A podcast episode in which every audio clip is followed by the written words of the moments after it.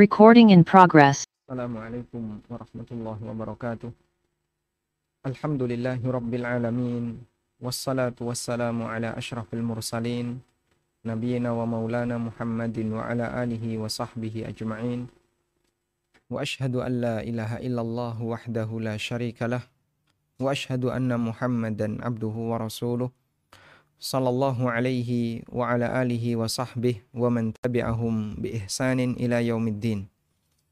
Alhamdulillah, puji syukur kita haturkan kehadirat Allah Subhanahu wa taala.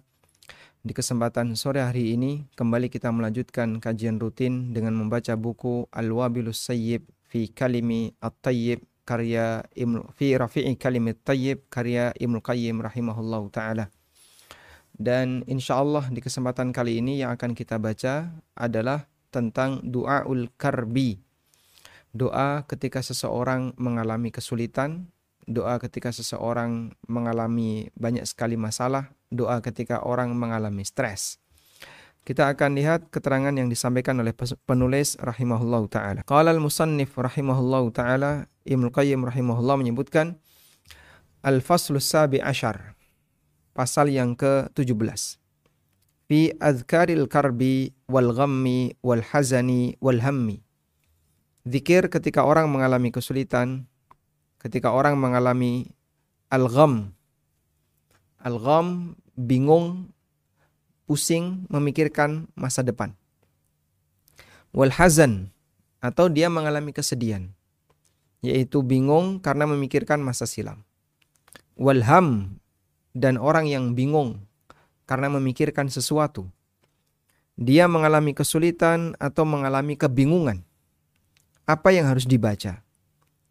fi sahihain disebutkan dalam sahih Bukhari Muslim dari Ibnu Abbas radhiyallahu anhu bahwa Rasulullah sallallahu alaihi wasallam kana yaqulu indal karbi Rasulullah sallallahu alaihi wasallam ketika beliau sedang mengalami kesulitan maka beliau membaca La ilaha illallahul azimul halim La ilaha illallahu rabbul arshil azim La ilaha illallah rabbus samawati wa rabbul ardi wa rabbul arshil karim.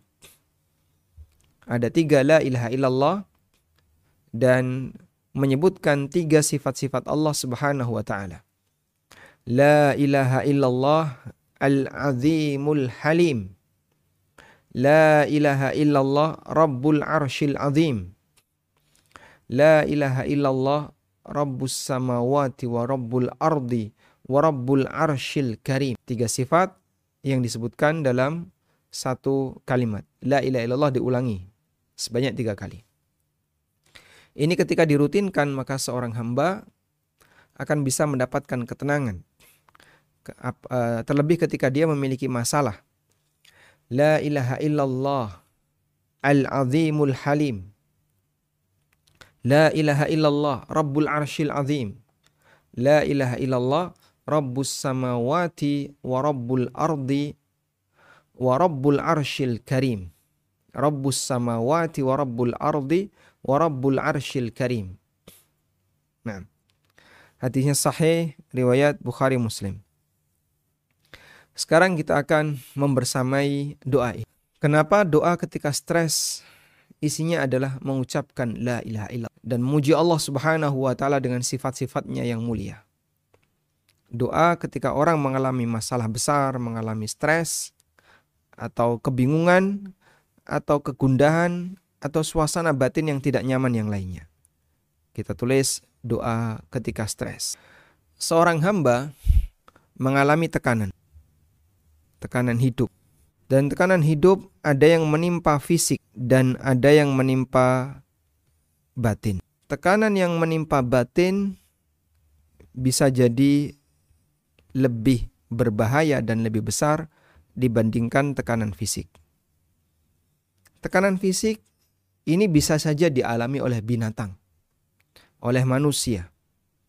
Tapi tekanan fisik tidak menyebabkan binatang jadi stres atau tidak menyebabkan binatang bunuh diri. Mungkin binatang bisa stres, tapi tidak menyebabkan dia bunuh diri. Tidak menyebabkan dia jadi gila karena memang dia sudah tidak berakal tekanan batin ketika itu dialami oleh manusia sampai pada arah bunuh diri. Sehingga ini manusia mengalaminya termasuk juga binat. Dan tekanan batin ini hanya dialami oleh manusia sebagai makhluk yang berakal. Maka saat manusia mengalami tekanan batin, bagian inilah yang mungkin tidak ada pada binatang. Dan tekanan batin pada manusia bisa jadi lebih berbahaya dibandingkan tekanan fisik. Karena itu, ketika tekanan fisik ini tidak sampai mengarah kepada tekanan batin, ketika tekanan fisik ini tidak sampai menyebabkan kepada tekanan batin, maka orang masih bisa berpikir dengan logika. Sehingga pada saat orang mendapatkan tekanan fisik tapi batinnya sehat, dia selamat secara logika, dia masih bisa berpikir, masih bisa tenang, bahkan bisa bertawakal kepada Allah. Sehingga saat batin selamat, ketika batin selamat, hamba bisa tenang. Hamba bisa, apa saja yang bisa berpikir, dia bisa berpikir. Apalagi yang bisa dia lakukan, dia bisa tenang. Apalagi yang bisa dia lakukan, dia bisa tawak. Sehingga saat orang dalam posisi batin selamat, ada banyak hal yang bisa dia lakukan dengan kekuatan batin yang dia punya. Dia bisa berpikir untuk mencari solusi. Dia bisa berpikir untuk menenangkan dirinya. Dia bisa berpikir untuk bertawakal. Dan aneka kemampuan batin yang lainnya. Makanya bagian ini perlu dijaga. Mungkin fisik dalam kondisi bahaya. Tapi ketika batin masih dalam posisi selamat, terjaga, akan lebih bisa menyelamatkan dirinya. Baik, sehingga kita bisa lihat ya, sebenarnya secara teori ini tidak hanya diberlakukan dalam ajaran agama kita. Ini juga dilakukan secara umum ketika proses mitigasi pada saat orang sedang dalam kondisi berbahaya. Misalnya, pada waktu uh, kita diajarkan tentang kejadian-kejadian uh, yang sifatnya membahayakan. Terjebak di dalam lift atau ketika ada gempa bumi, ketika ada ini, ketika ada itu, apa yang harus dilakukan? Rata-rata saran pertama adalah jangan panik. Saran pertama yang disampaikan adalah jangan panik. Anda akan selalu mendapatkan instruksi jangan panik. Kenapa jangan panik? Jangan panik itu ngelok batin agar tidak terlalu stres. Ini agar memutus memutus stres. Jangan panik, jangan stres. Sudah? Orang bisa berpikir kalau dia nggak stres. Orang bisa tawakal kalau dia nggak stres. Orang bisa mencari solusi ketika dia tidak stres. Tapi kalau sudah panik, susah. Anda bisa bayangkan. Ketika misalnya dalam satu lift ada lima orang, semuanya panik. Mungkin mereka akan hanya bisa menangis, teriak-teriak sampai habis tenaganya. Akhirnya malah oksigennya cepat habis gara-gara mereka mengeluarkan banyak tenaga. Sehingga mereka cepat mati. Dan mereka tidak berpikir solusi. Karena sehingga kita memahami bahwa non muslim pun memahami, mengetahui bahwa ketika orang dapat masalah besar, Kata kuncinya satu, jangan panik. Orang ketika dia tenggelam, lalu ditolong sama orang lain. Ketika ditolong, sebenarnya kata kunci yang diberikan oleh orang yang menolong adalah jangan panik. Sehingga saat yang ditolong ini panik, kemudian dia banyak gerak, ya, itu justru malah menyebabkan dia akan lebih mudah tenggelam. Tapi ketika dia diam, tenang, tidak panik, orang yang menolong bisa memposisikan di mana dia harus dia harus megang badan penolong ini. Kemudian nanti cara berenang yang benar bagaimana agar dia bisa selamat. Tapi kalau sudah panik, sudah bisa jadi yang menolong ikut mati. Karena gara-gara orang ini panik. Ya. Dalam uh, salah satu peristiwa yang saya alami sendiri waktu saya rumah saya dengan laut kan cuma 200 meter di Lamongan. Ya nyemplung dengan membawa uh, pelampungnya itu cuman ember yang dibalik. Instruksi dari teman-teman ketika nyemplung, jangan panik. Karena embernya ketika dibalik, dia harus sudah di bawah, ya, dibalik. Itu sebagai pelampungnya. Karena ketika panik, kita tidak akan bisa melakukan banyak hal. Baik. Sehingga dengan kalimat jangan panik, kalau dalam bahasa penyelamatan, itu adalah memutus jangan sampai orang itu mengalami stres. Sudah? Nah, untuk bisa mengajak orang agar tidak panik, kata kuncinya ini, buat batin itu selamat, sehingga batin harus dijaga keselamatan. Nah, menjaga batin agar tenang, menjaga batin agar bisa tenang, solusinya adalah dengan zikrul. Inilah solusi seorang mukmin. Kalau orang kafir, mereka ketika ingin menenangkan diri, mereka senam yoga, atau mereka minum homer, mereka mendem mabuk, atau mereka berjoget, mereka piknik, melampiaskan nafsunya. Dan jelas itu bukanlah uh, obat, tapi justru akan semakin menambah tumpukan penyakit yang ada pada dirinya. Dan seorang mukmin diajarkan. Kalau kamu dalam kondisi mendapatkan tekanan, tekanan itu terjadi pada fisik. Mungkin kelaparan, kondisi ekonominya sedang seret, suaminya PHK, utang numpuk, atau aneka tekanan-tekanan yang lainnya yang sebenarnya itu bisa mengarah kepada tekanan fisik tapi belakangan. Sasaran pertama adalah tekanan batin. Orang ketika di PHK, dia itu tidak kemudian nol saldo tabungannya. Dia masih punya tabungan. Tapi dia dihantui dengan ketakutan. Terus nanti bagaimana nasib anak istri saya? Saya nggak punya pekerjaan. Serangan pertama terjadi pada batin. Orang ketika hijrah meninggalkan pekerjaan. Awalnya dia bekerja di lembaga yang gajinya besar. Saat dia bekerja di lembaga yang gajinya besar, dia mungkin bisa merasakan aneka fasilitas hidup. Begitu dia tinggalkan itu, serangan pertama yang ada pada dirinya bukan serangan fisik. Karena dia tidak langsung miskin begitu dia hijrah. Tapi muncul kekhawatiran, ketakutan. Nanti kalau saya tinggalkan ini saya makan apa? Bagaimana dengan anak istri saya? Nafkah mereka bagaimana? Ini sudah usia 40 ke atas. Mau daftar ke mana nggak bakalan diterima. Aneka ketakutan itulah yang pertama kali akan menjadi tekanan batin. Sehingga Anda bisa lihat ya. Ketika di situ ada masalah. Ketika di situ ada masalah. Maka ada dua arah tekanan. Bisa tekanan batin, bisa tekanan fisik. Dan ternyata tekanan batin ini yang pertama. Yang pertama menjadi sasaran tekanan itu adalah batinnya. Batin ketakutan, batin kebingungan, batin stres, batin mengalami aneka tidak nyaman yang lainnya. Baru setelah itu masuk ke tekanan fisik. Sehingga tekanan fisik itu pasca orang mengalami kesulitan ekonomi, dia masih bisa makan Orang mengalami kesulitan dalam masalah apa misalnya penghasilan. Dia masih punya rumah. Dia masih punya kendaraan. Tapi bingung itu ada pertama kali sebelum fisik ini nggak nggak kedapatan jatah dan nyatanya dia juga masih bisa makan. Sehingga bisa jadi fisik justru selamat sementara batinnya dia rusak dengan aneka tekanan-tekanan. Dari sinilah kita bisa lihat bahwa batin ini kunci sentral untuk diselamatkan saat orang sedang mengalami masalah. Dan kita diajarkan untuk bisa mendapatkan ketenangan batin, maka kuncinya adalah zikrullah.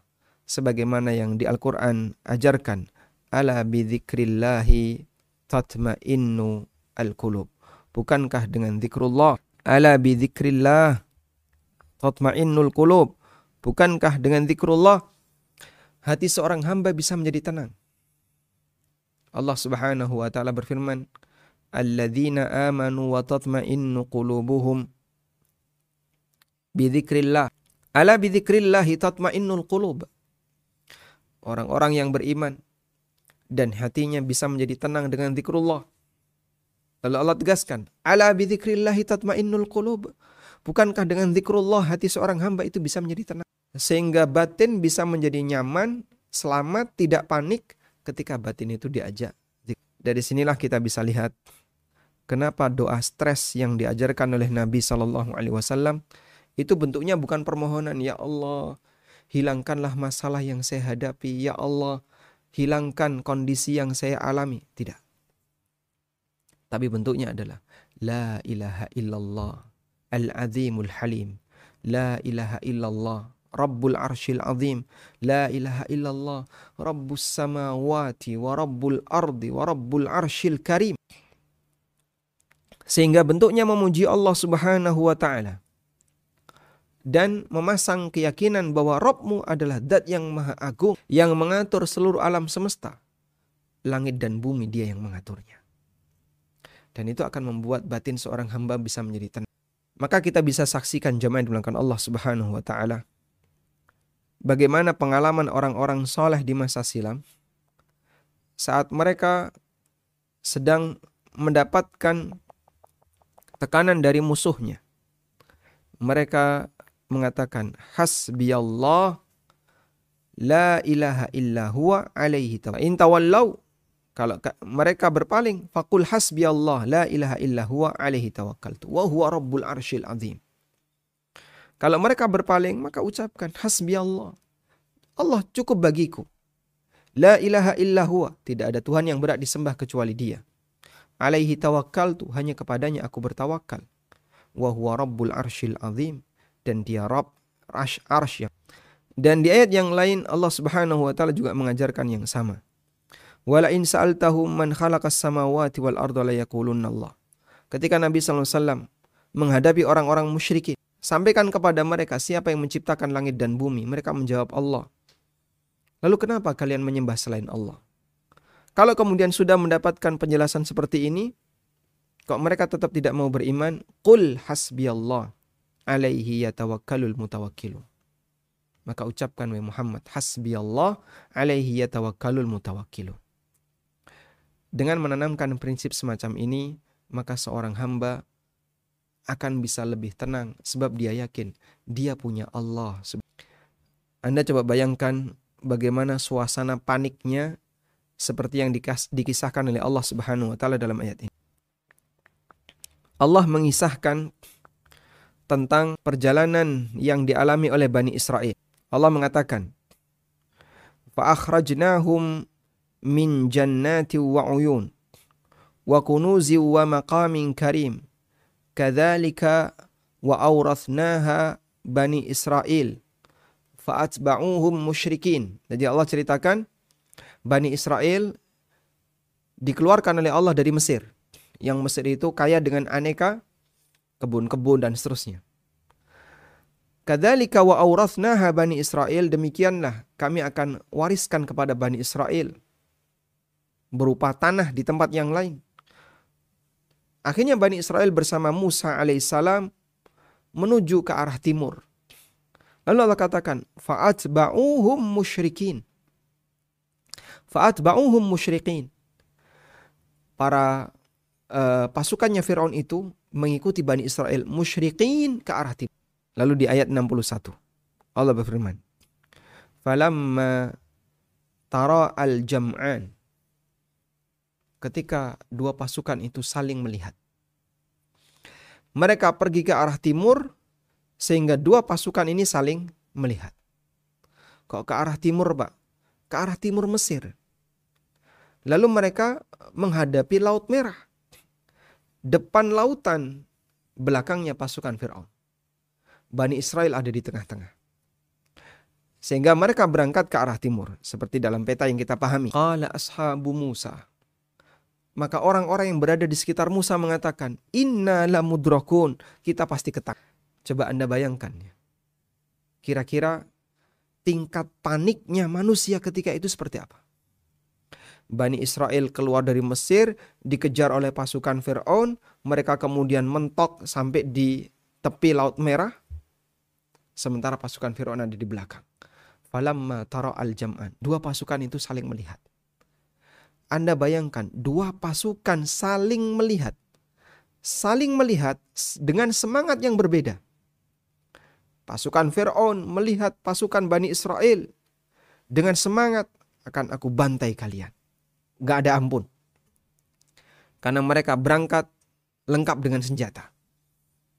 Bani Israel melihat ke arah pasukan Firaun dalam posisi serba ketakutan. Kita akan ketangkap dan kita akan dibantai oleh mereka. Sebab mereka membawa senjata dan jumlah mereka lebih banyak. Bisa jadi jumlah pasukan Fir'aun ketika itu sangat banyak. Dan mungkin lebih banyak dibandingkan jumlah Bani Israel. Meskipun kita nggak mendapatkan cerita itu. Yang jelas pasukan itu besar. Maka yang satu dalam posisi ketakutan. Yang satu dalam posisi, posisi semangat untuk membantu. Sehingga ashabu Musa, orang yang berada di sekitar Musa mengatakan, Innala mudrakun, kita pasti akan ketangkap. Masya Allah. Dengan satu kalimat, Musa menenangkan mereka.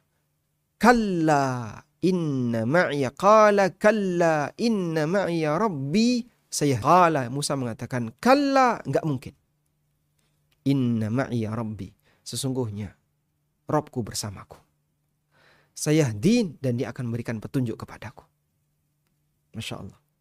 Sampai pada titik itu Musa alaihissalam tidak tahu harus berbuat apa. Beliau membawa tongkat. Tapi yang namanya mukjizat itu atas dasar perintah dan wahyu. Sehingga mukjizat tidak bisa bekerja atas keinginan pribadi sang nabi. Namun mukjizat bisa berfungsi ketika Allah berikan wahyu. Sehingga Musa alaihissalam menenangkan seluruhnya dengan mengatakan Allah bersamaku, tenang kali selamatkan batin. Karena orang kalau sudah panik, sudah. Dia nggak bisa berpikir. Fa'auhayna ila Musa. Anidrib bi'asakal bahar. Maka aku, aku wahyukan kepada Musa. Pukulkan tongkatmu ke atas. Fangfalaka fakana kullu firqin kattaudil azim. Lalu lautan itu terbelah. Dan masing-masing belahan itu seperti gunung yang tinggi. Kemudian Bani Israel bisa melintasinya. Baik. Kita mengakui keberadaan mukjizat ini.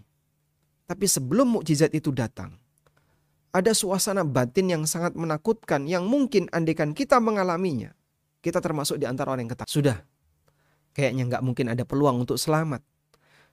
Maju tenggelam lautan, menghadap pasukan Fir'aun, kita mungkin akan dibantu. Sehingga pilihannya maju mati, mundur mati. Dalam suasana ketakutan itu, tawakal adalah obat. Maka kita bisa lihat para nabi mereka adalah orang-orang yang sangat bertawakal kepada Allah Subhanahu wa taala. Karena dengan tawakal kepada Allah, orang menyelamatkan kondisi batinnya sehingga dia tidak stres, dia tidak bingung, dia tidak mengalami tekanan, batinnya tetap selamat meskipun bisa jadi fisiknya ada ancaman. Baik. Demikian pula yang dikatakan oleh para sahabat Nabi Shallallahu alaihi wasallam pada waktu mereka mendapatkan ancaman dari orang-orang Quraisy. Alladzina qala lahumun nasu. Para sahabat adalah orang yang pernah mendapatkan ancaman dari annas dari manusia. Manusia di sini maksudnya Abu Sufyan. Abu Sufyan itu pernah ngasih ancaman kepada Madinah. Innan nasa qad jama'u lakum fakhshawhum. Sesungguhnya seluruh masyarakat jama'u lakum qad jama'u lakum telah berkumpul untuk menyerang kalian. Dan ini adalah kejadian peristiwa perang Ahzab. Disebut sebagai perang Ahzab karena pasukan musuh itu terdiri dari hizb-hizb yang jumlahnya banyak. Ada dari suku A, suku B, suku C, semuanya diajak kumpul, ayo kita bareng-bareng serang Madinah. Qad jama'u lakum, mereka telah berkumpul untuk menyerang kalian. Fakhshawhum, maka takutlah kalian kepada mereka. Namun apa yang terjadi? Dalam situasi ketika ada ancaman, justru imannya semakin naik. Kenapa? Karena tawakal itu menambah iman. Kita bisa lihat ya, suasana para sahabat. Kondisi sahabat. Saat ada ancaman, mereka itu tawakal. Dan ketika tawakal, iman naik. Karena bagian dari cabang iman adalah tawakal. Sehingga pada waktu mereka mendapatkan ancaman dari Abu Sufyan sebelum Abu Sufyan masuk Islam dan ketika itu Abu Sufyan menjadi pemimpin orang musyrikin Quraisy. Justru fazadahum imana imannya mereka semakin bertambah waqalu dan mereka mengatakan hasbunallah wa ni'mal cukuplah Allah yang akan menolong kita dan dia sebaik-baik zat yang dipasti. Masya Allah. Inilah pengaruh dari ketika seorang hamba bertawakal kepada Allah itu menjadi penghalang terbesar potensi munculnya tekanan batin, stres. Disebabkan karena disebabkan karena ujian batin atau tekanan yang dialami oleh. Coba bayangkan, ini sahabat kalau stres duluan, mereka nggak bakalan berpikir solusi. Sehingga ini gimana ya Rasulullah, nanti ada pasukan besar nyerang kita, tidak mungkin kita bisa menghadapinya. Sementara jumlah kita jauh, jauh lebih sedikit dibandingkan mereka. Di belakang kita ada anak istri yang harus kita lindungi. Kota Madinah yang harus kita jaga. Kalau mereka sudah stres duluan, nggak mikir solusi. Apalagi di belakang ada Bani Quraidah. Dan waktu itu Nabi SAW telah mengikat perjanjian dengan Bani Quraidah. Jangan ikut campur. Ini urusan kami dengan orang musyrikin. Sehingga Bani Quraidah itu tidak berani untuk terlibat dalam peristiwa perang Ahzab. Tapi mereka berkhianat di belakang. Sehingga menyerang dari belakang tapi ketahuan kemudian mereka balik akhirnya seusai peristiwa perang Ahzab Bani Quraidah dieksekusi oleh Rasulullah SAW dan para sahabat. Baik. Sehingga dari sini kita bisa mendapatkan pelajaran. Kenapa doa stres itu kok bentuknya zikir kepada Allah? Karena doa stres itu prinsipnya adalah mengingat Allah. Sehingga ketika orang ingat Allah akan menjadi tenang batinnya. Dan ketika batinnya tenang, itu kata kunci untuk bisa tayyib. Kemudian terkadang orang mengalami stres atau mengalami tekanan karena dia menyadari ini karena kesalahanku. Lalu Allah Subhanahu wa taala memberikan ujian yang demikian berat kepadaku. Ini karena kesalahanku sehingga Allah Subhanahu wa taala memberikan ujian berat kepadaku. Maka dalam situasi seperti itu baca doa Nabi Zunnun, Nabi Yunus alaihissalam. Allah Subhanahu wa taala berfirman, "Wa dhannuni idzahaba mughadiban fa dhanna an lan naqdira alaihi fanada fi dhulumati alla ilaha illa anta subhanak." Ingatlah Zannun. Siapa Zannun? Yunus. Idzahaba mughadiban ketika dia meninggalkan kampungnya, masyarakatnya dalam kondisi marah. Fadhanna allan alaih. Dia menyangka kalau kami tidak akan berikan teguran baginya. Fanada maka dalam kegelapan itu beliau berdoa, yaitu di mana? Di dalam perut. Dalam kegelapan-kegelapan itu zulumat Allah sebut dengan kata jamak. Kegelapan-kegelapan. Kegelapan perut ikan, kegelapan lautan, dan mungkin ketika situasi malam, kegelapan malam. Dia berdoa kepada Allah. Allah ilaha illa anta.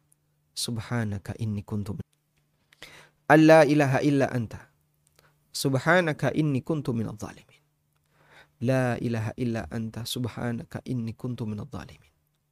Dalam kegelapan beliau memanggil Allah Subhanahu wa taala yang mungkin peluang selamatnya kecil sekali. Bagaimana mungkin manusia sudah ditelan ikan dimasukkan kemudian ikan itu jelas ikan kan pasti menyelam.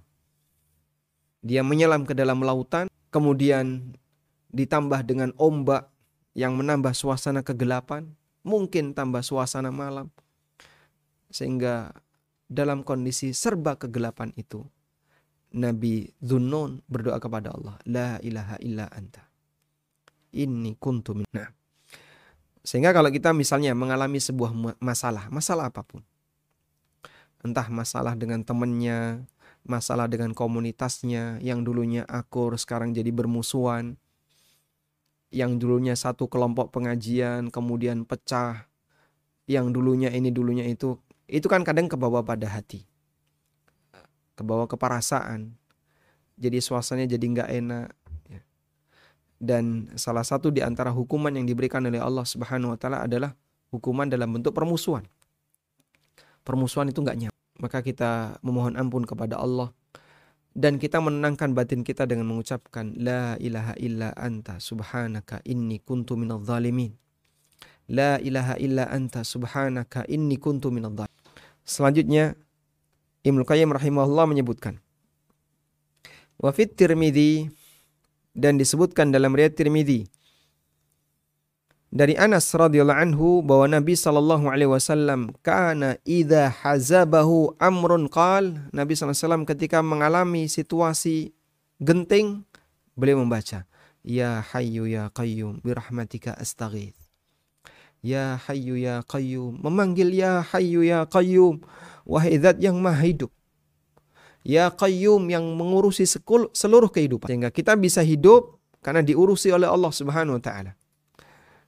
Dan Allah adalah zat yang maha hidup yang tidak ada kematian. Kita panggil Ya Hayyu.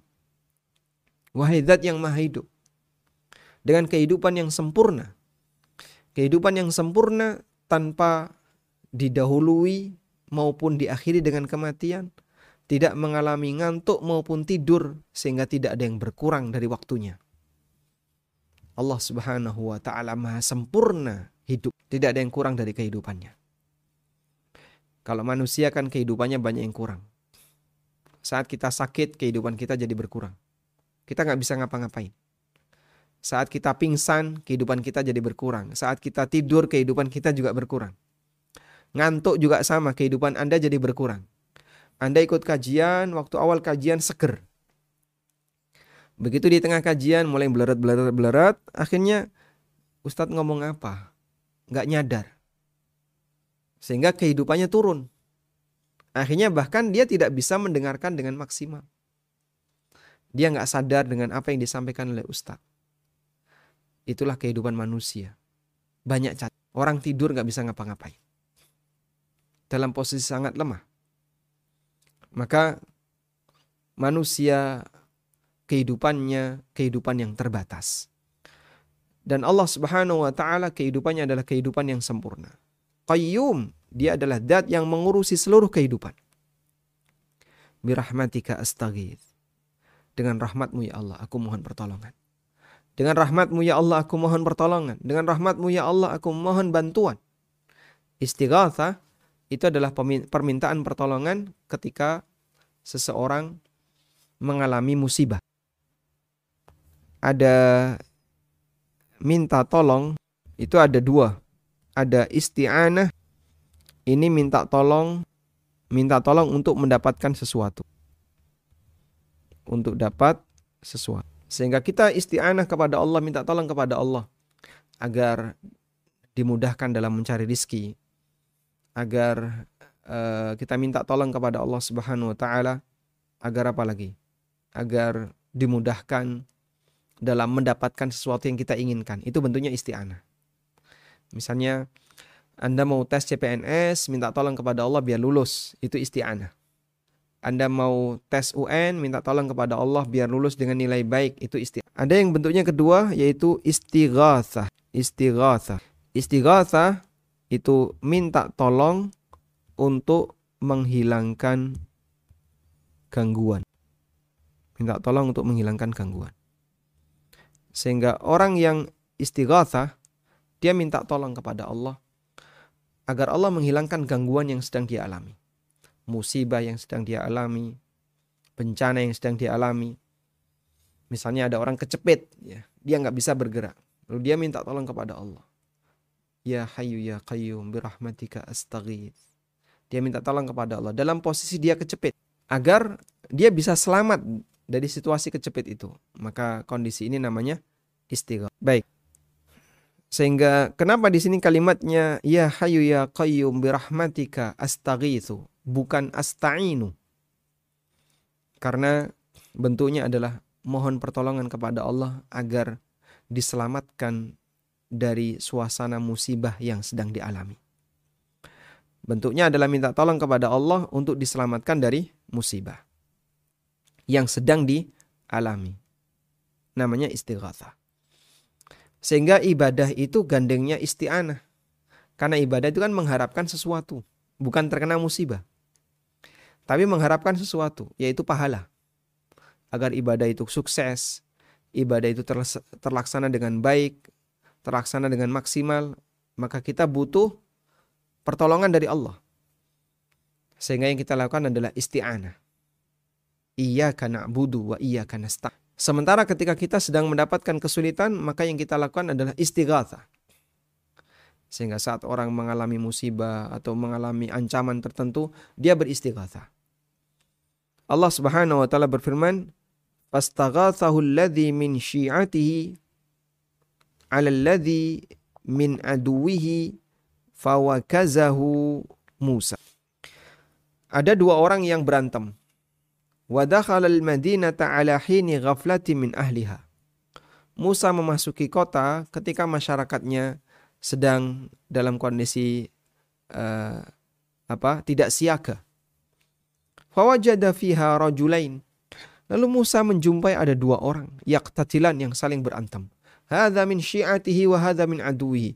Yang satu dari Bani Israel, yang satu dari orang Kipti, orang Mesir. Fastaghathahu alladhi min syi'atihi. Maka orang dari Bani Israel, dari kelompoknya Musa, berarti dari Bani Israel.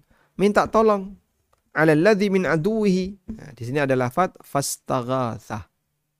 Dia minta tolong kepada Musa. Kenapa dia minta tolong? Karena dia minta tolong kepada Musa untuk menghadapi orang Mesir ini. Dia dengan orang Mesir ini sedang berantem. Fawakazahu Musa faqadha alaih. Lalu dipukul orang Mesir tadi Faqadha alaih. Kemudian orang Mesir ini mati. Qala hadha min amali syaitan innahu aduwwu mudillu mubin. Kemudian Musa menyesal dan beliau mengatakan ini adalah perbuatan setan. Membunuh tanpa alasan. Meskipun itu orang kafir.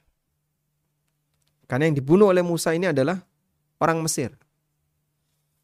Penganutnya Fir'aun. Tapi membunuh orang kafir tanpa alasan tidak boleh. Hukumnya dosa. Sehingga Musa alaihissalam saya mengatakan hadza min amali syaitan.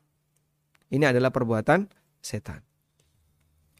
Baik, wa fihi aidan dan juga dalam riwayat yang lain disebutkan dari Abu Hurairah radhiyallahu anhu. Dikatakan, anna nabiyya sallallahu alaihi wasallam idza ahammahul amru.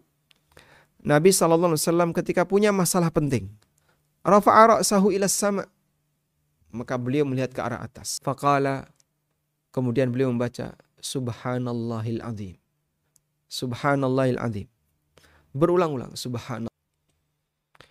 Wa idza ijtahada fi du'a qala ya hayyu ya qayyum. Dan ketika beliau dalam membaca doa dengan diiringi penekanan yang serius, maka beliau mengucapkan ya hayyu ya qayyum. Wahai zat yang maha hidup dan yang ngurusi kehidupan. Baik. Namun di sini disebutkan uh, keterangan bahwa hadis yang kedua yaitu ya hayu ya qayyum birahmatika astaghith ini hadisnya sanatnya dhaif sedangkan hadis yang ketiga ya membaca subhana rabbiyal azim subhanallahil azim dan ya hayu ya qayyum ini juga katanya hadis gharib dan dilanjutkan footnote uh, warijaluhu thiqat kecuali Ibrahim bin Fadl Maula Bani Makhzum Fa innahum ittafaqu ala dha'fihi. Ulama sepakat orang ini dhaif. Wallahu alam. Ya meskipun kita menghargai sebagian ulama yang menilai hadis ini sebagai hadis hasan. Sehingga kita bisa lihat misalnya di Hisnul Muslim Ya hayu ya qayyum birahmatika astaghithu ini juga dicantumkan karena mungkin penulis memahami hadis ini statusnya bisa diterima. Nah, maka kita diajarkan setiap pagi dan sore untuk mengucapkan Ya Hayyu Ya Qayyum birahmatika astaghithu aslih li sya'ni kullah wala takilni ila nafs. Dan ketika kita punya masalah, kita diajarkan untuk membaca Ya Hayyu Ya Qayyum birahmatika astaghithu. Kita memanggil Allah Subhanahu wa taala dengan nama-nama dan sifatnya yang sempurna. Ya Hayyu Ya Qayyum birahmatika astaghithu. Lalu kita mohon pertolongan kepada Allah agar Allah segera menghilangkan musibah itu.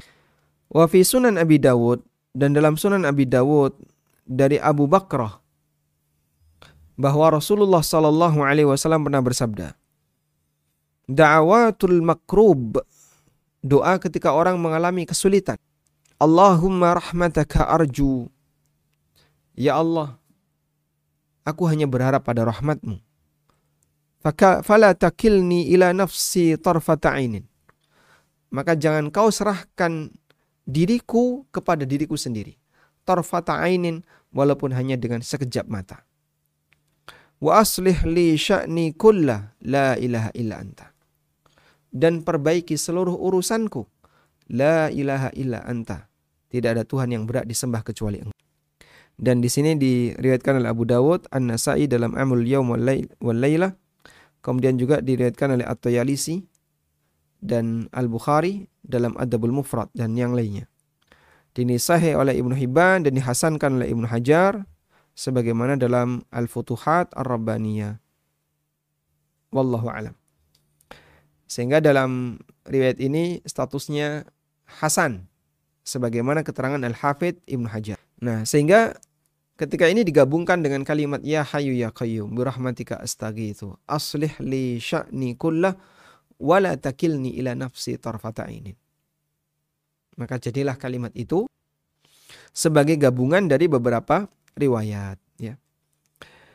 Dan dalam hal ini kita bisa lihat intinya adalah seorang hamba itu pada waktu pada posisi ketika dia mengalami stres atau bingung dia memohon pertolongan kepada Allah Subhanahu wa taala. Dia mengingat Allah.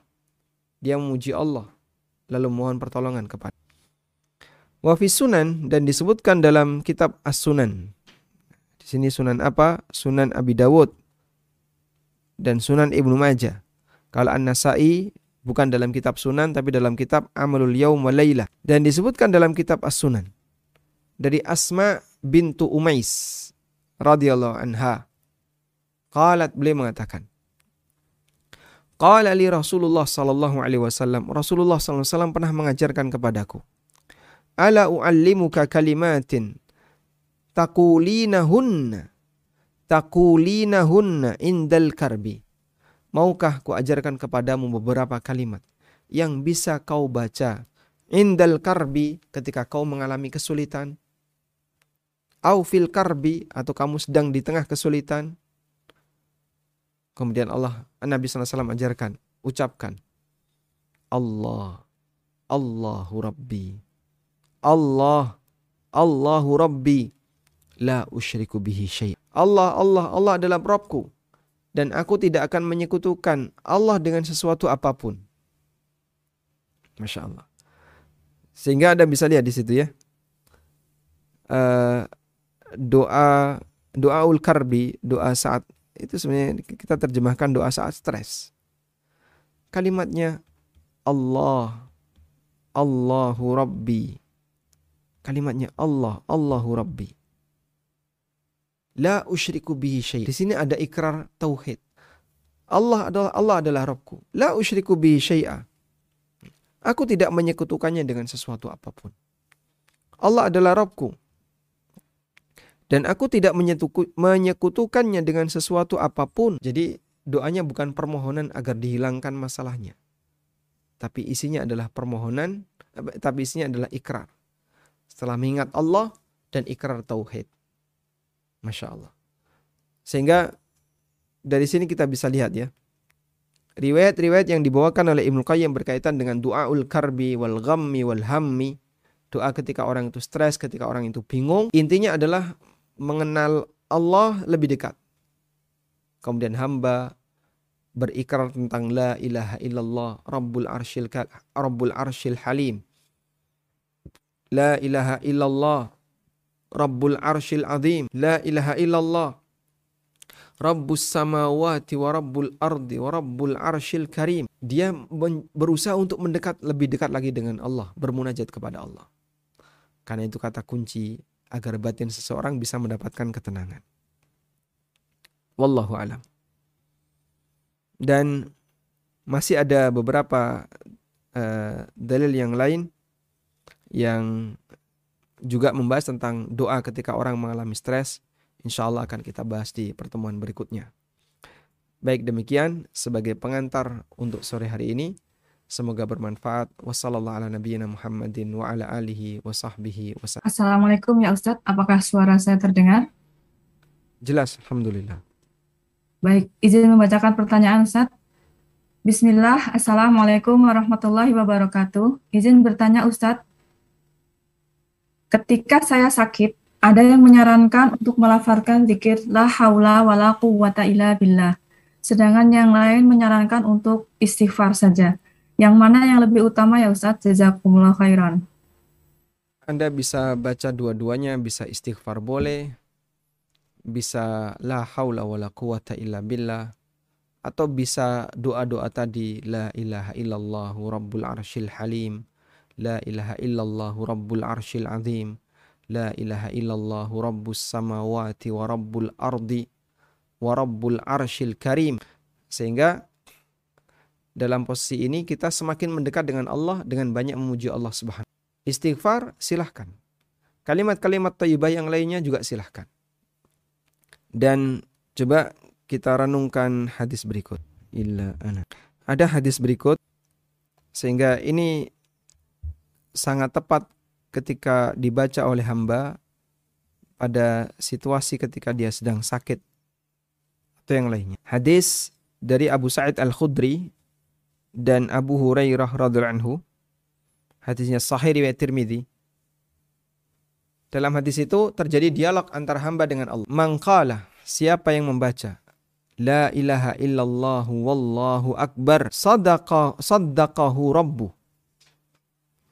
Maka Allah akan membenarkan. Wa qala dan Allah mengatakan la ilaha illa ana wa ana akbar. Jadi responnya sama. Kalau di sini kalimatnya la ilaha illallah wallahu akbar, respon Allah taala la ilaha illallah ana wa ana akbar. Wa idza qala dan apabila Allah berfirman uh, apabila hamba ini mengucapkan la ilaha illallah wahdah maka Allah membenarkannya la ilaha illa ana wahdi. Wa idza qala dan apabila hamba mengucapkan la ilaha illallah wahdahu la syarikalah maka Allah akan merespon dengan mengatakan la ilaha illa ana wahdi la syarikali. Dan apabila hamba mengucapkan la ilaha illallah lahul mulku wa lahul hamdu, maka Allah merespon dengan mengatakan la ilaha illa ana. Liyal mulku wa liyal hamdu.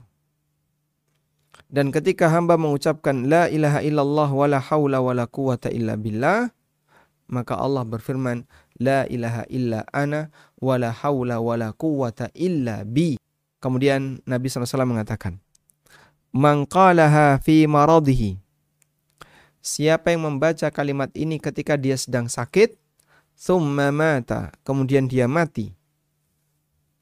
Lam tat'amhun nar, maka dia tidak tersentuh neraka. Masya Allah. Keutamaan yang luar biasa. Dia berdialog dengan Allah subhanahu wa ta'ala. Dengan memuji Allah ta'ala. La ilaha illallah. Wallahu akbar. La ilaha illallah wahdah. La ilaha illallah wahdahu la syarikalah. Ada la ilaha illallah wahdah, ada wahdahu la syarikalah. Jadi itu dibedakan. Kemudian la ilaha illallah lahul mulku wa lahul hamdu. La ilaha illallah wa la hawla wa la quwata illa billah. Jadi lima kalimatnya ya. La ilaha illallah wallahu akbar. La ilaha illallah wahdah. La ilaha illallah wahdahu la syarikalah. La ilaha illallah lahul mulku wa lahul hamdu. La ilaha illallah la haula wa la quwata illa billah. Wallahu alam.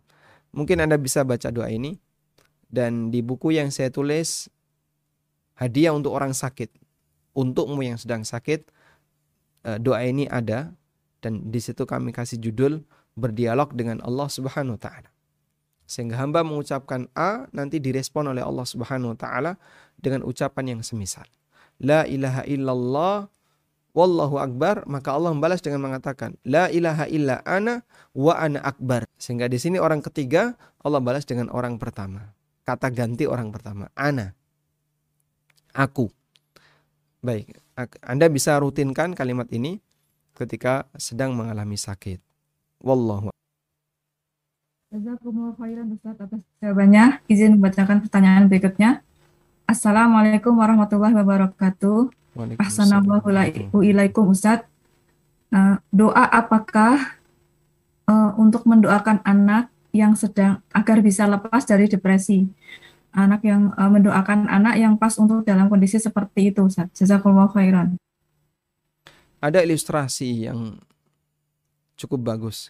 Kalau nggak salah yang menyampaikan ini uh, Syekh Abdul Salam Bali. Beliau menyampaikan begini, bahwa orang yang dirukyah ketika dia mengalami masalah apa pun, itu kata kuncinya justru ada ada pada orang ini. Ibarat mobil yang sedang mogok. Kalau mobil mogok itu didorong, sementara mobilnya sendiri tidak ada upaya untuk menyala, maka selamanya tidak akan menyala. Sehingga ketika ada orang yang mau menghidupkan mobil mogok, ini masih bisa nih mesinnya ini. Ini tinggal dorong sebentar aja, nanti akan bisa menyala. Akhirnya didorong. Ya, dorong betul menyala. Berarti masih ada kekuatan pada dirinya sehingga dia bisa hidup. Tapi kalau sudah 100% mogok, tidak mungkin bisa menyala, mau didorong kapan pun, sejauh apa pun, nggak bakalan bisa nyala. Nah orang yang sedang mengalami gangguan juga seperti itu. Kalau dia masih punya semangat untuk kembali kepada yang eh, normal, untuk mengobati dirinya, kita dukung. Tapi kalau sudah nggak punya semangat, dia sudah putus asa, bahkan sama sekali sudah nggak ada harapan untuk mau sembuh, maka bagaimana mungkin untuk bisa sembuh? Nah, anak yang mengalami depresi, yang mengalami stres, terkadang dia masih punya keinginan untuk kembali normal. Dan terkadang uh, dia sudah putus asa. Dalam posisi ketika anak itu sedang putus asa, maka mungkin peluang untuk disembuhkan sangat kecil. Ada doa apa yang bisa dibaca? Enggak ada doa khusus. Anda bisa doakan dengan bahasa yang bisa Anda pahami. Dan yang lebih tepat adalah ajarkan anak itu untuk berdoa. Sehingga saat dia mau tidur atau apa, kemudian dibimbing oleh ibunya. Coba kamu baca doa ini. Sambil mengingat nama Allah subhanahu wa ta'ala. Biar kamu bisa lebih tenang. Karena ketika batinnya masih bisa diselamatkan, insya Allah bisa dijadikan solusi yang lebih baik. La ilaha illallah. Misalnya kalimat La ilaha illallah. Rabbul arshi al-halim. La ilaha illallah. Rabbul arshil azim. La ilaha illallah. Rabbus samawati wa rabbul ardi. Wa rabbul arshil karim. Sehingga kita ajarkan itu dengan ditalkin orang tersebut. Wallahu Jazakumullah khairan Ustadz atas jawabannya. Izin membacakan pertanyaan berikutnya. Bismillah, Assalamualaikum warahmatullahi wabarakatuh. Izin bertanya Ustadz, saya berusaha berzikir setiap kali merasa gelisah, tetapi terkadang malah merasa tidak tenang. Di manakah letak kesalahannya ya Ustadz? Jazakumullah khairan. Waalaikumsalam warahmatullahi wabarakatuh. Justru itu yang perlu kita pertanyakan. Anda gelisah kenapa? Orang mengalami kegelisahan itu bisa jadi salah satu di antara penyebabnya adalah dia lebih banyak mengenang musibah daripada nikmat.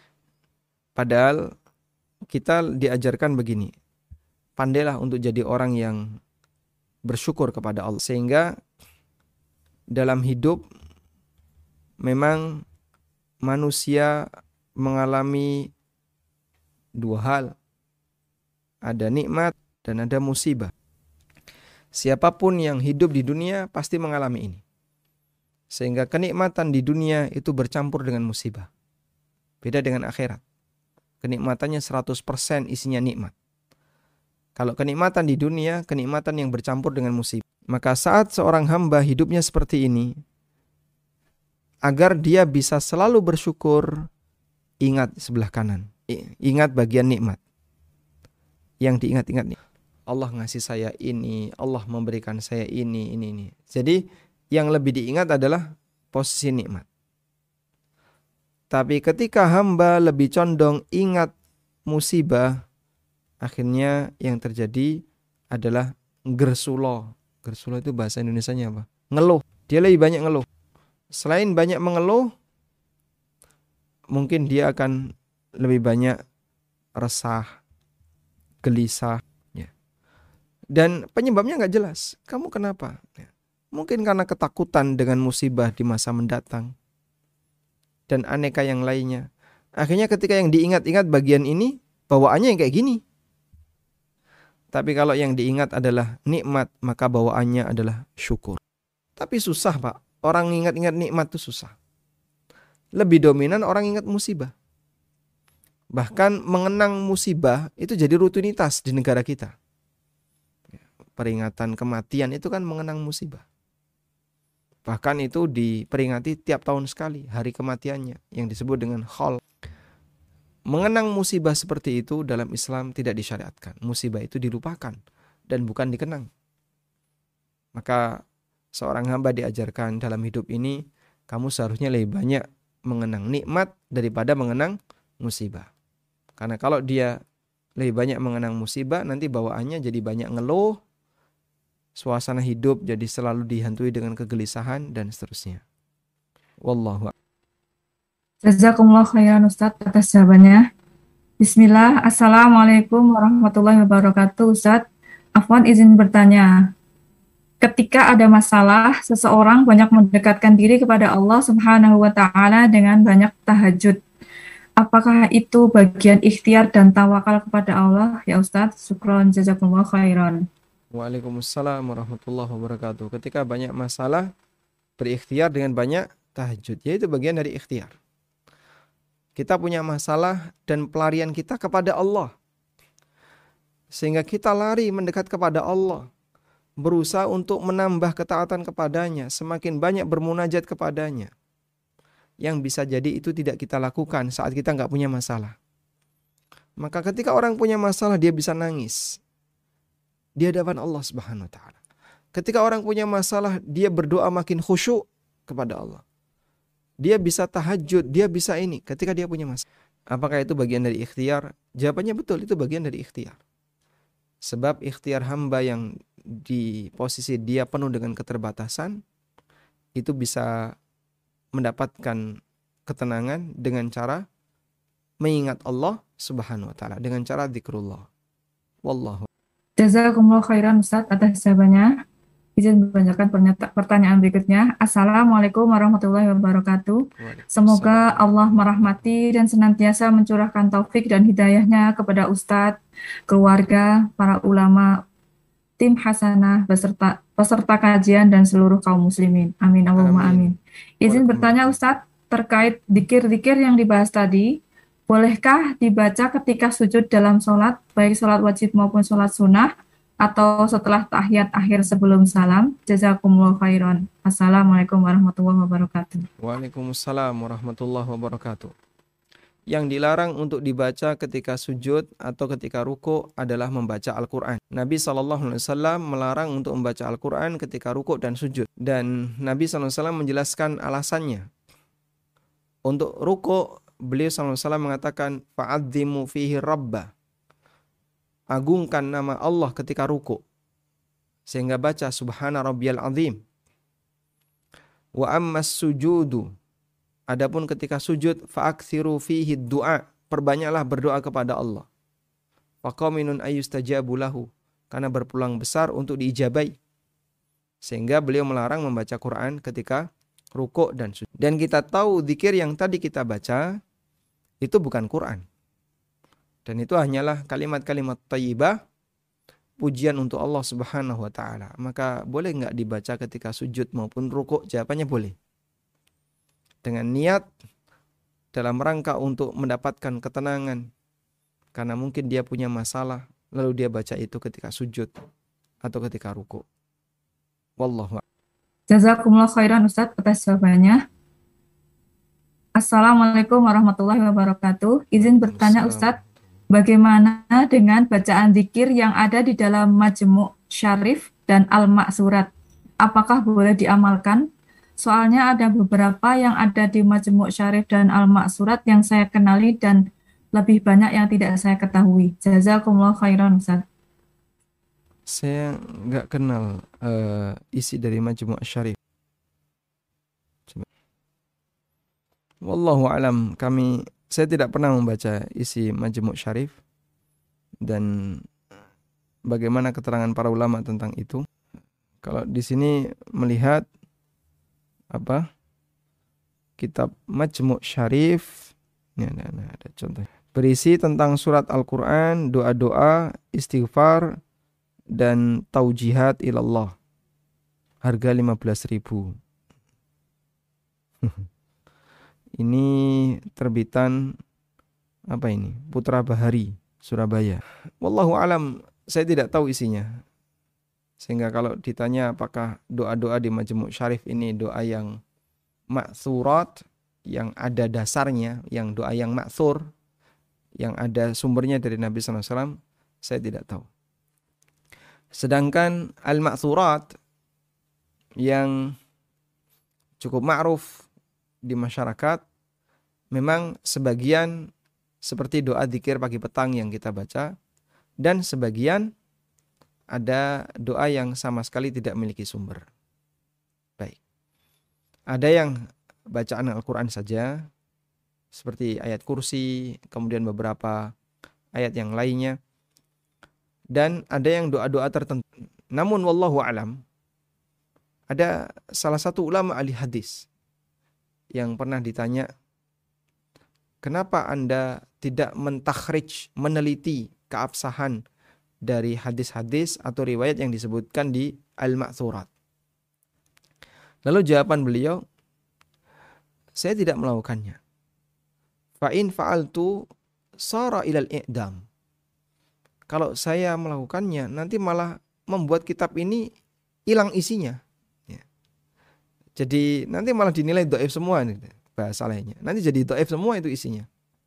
Kalau beliau mau meneliti. Artinya dari pernyataan seorang ahli dalam masalah hadis yang tahu tentang masalah ini valid atau tidak sudah menegaskan bahwa kitab ini ya terlalu banyak isinya hadis yang tidak valid. Wallahu Jazakumullah khairan Ustaz. Izin membacakan pertanyaan berikutnya.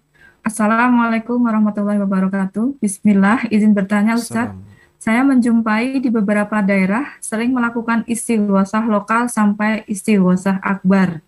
Ada yang dalam rangka memohon perlindungan dari bencana untuk Indonesia, tapi ada juga istighosah dalam rangka haul seorang ulama. Apakah ini juga termasuk sunnah ya Ustadz? Jazakumullah khairan, barakallahu fikum. Istighothah itu sendiri-sendiri bukan berjamaah ya. Sehingga tidak sebagaimana istisqa atau sholat gerhana. Kalau istisqa atau sholat gerhana itu jamaah. Dan isinya sholat, kemudian nanti khutbah, lalu berdoa ya. Tapi kalau istighatsah maka tidak perlu demikian. Karena itu kita tidak menjumpai adanya riwayat salat istighatsah. Adanya salat gerhana, salat kusuf atau uh, salat ketika apa seseorang mengalami musibah yang Allah ajarkan dalam Al-Qur'an ista'inu bis sabri was salah Mintalah pertolongan kepada Allah dengan sabar dan sholat. Atau sholat istisqa dan itu dilakukan berjamaah. Dan nanti akan ada doa khusus. Jadi dalam situasi genting seperti itu, ada yang sifatnya berjamaah dan ada yang sifatnya sendiri-sendiri. Karena itu perlu kita dudukkan masing-masing. Sehingga istighatha dengan cara jamaah itu apakah ada tuntunannya? Ya, yang kami pahami, kami tidak menjumpai itu. Adanya Nabi SAW berdoa dan bukan doa bareng-bareng bersama para sahabat. Tapi beliau berdoa sendiri atau beliau mohon kepada Allah Subhanahu wa taala dan tidak mengadakan acara tertentu. Wallahu Jazakumullah khairan Ustaz atas jawabannya. Bismillah. Assalamualaikum warahmatullahi wabarakatuh. Ustadz Ahmad izin bertanya, jika diri ini kadang datang malas ibadah, baik sholat maupun membaca Al-Quran, Astagfirullah wa atubu ilaih. Bagaimana solusinya ya Ustadz? Jazakumullah khairan wa barakallahu fikum. Anda berteman dengan yang rajin ibadah, insya Allah semoga ketularan. Dan uh, solusi yang paling mudah untuk bisa menjadi orang baik itu adalah mepet dengan orang baik. Maka insya Allah dengan keberadaan orang baik di sekitar kita, dalam komunitas kajian maupun yang lainnya, Insya Allah jika kita rawat dengan baik, kita bisa mendapatkan ketularan jadi baik. Wallahu ta'ala alam. Baik, mungkin demikian yang bisa kita bahas di kesempatan kali ini. Semoga menjadi kajian yang bermanfaat.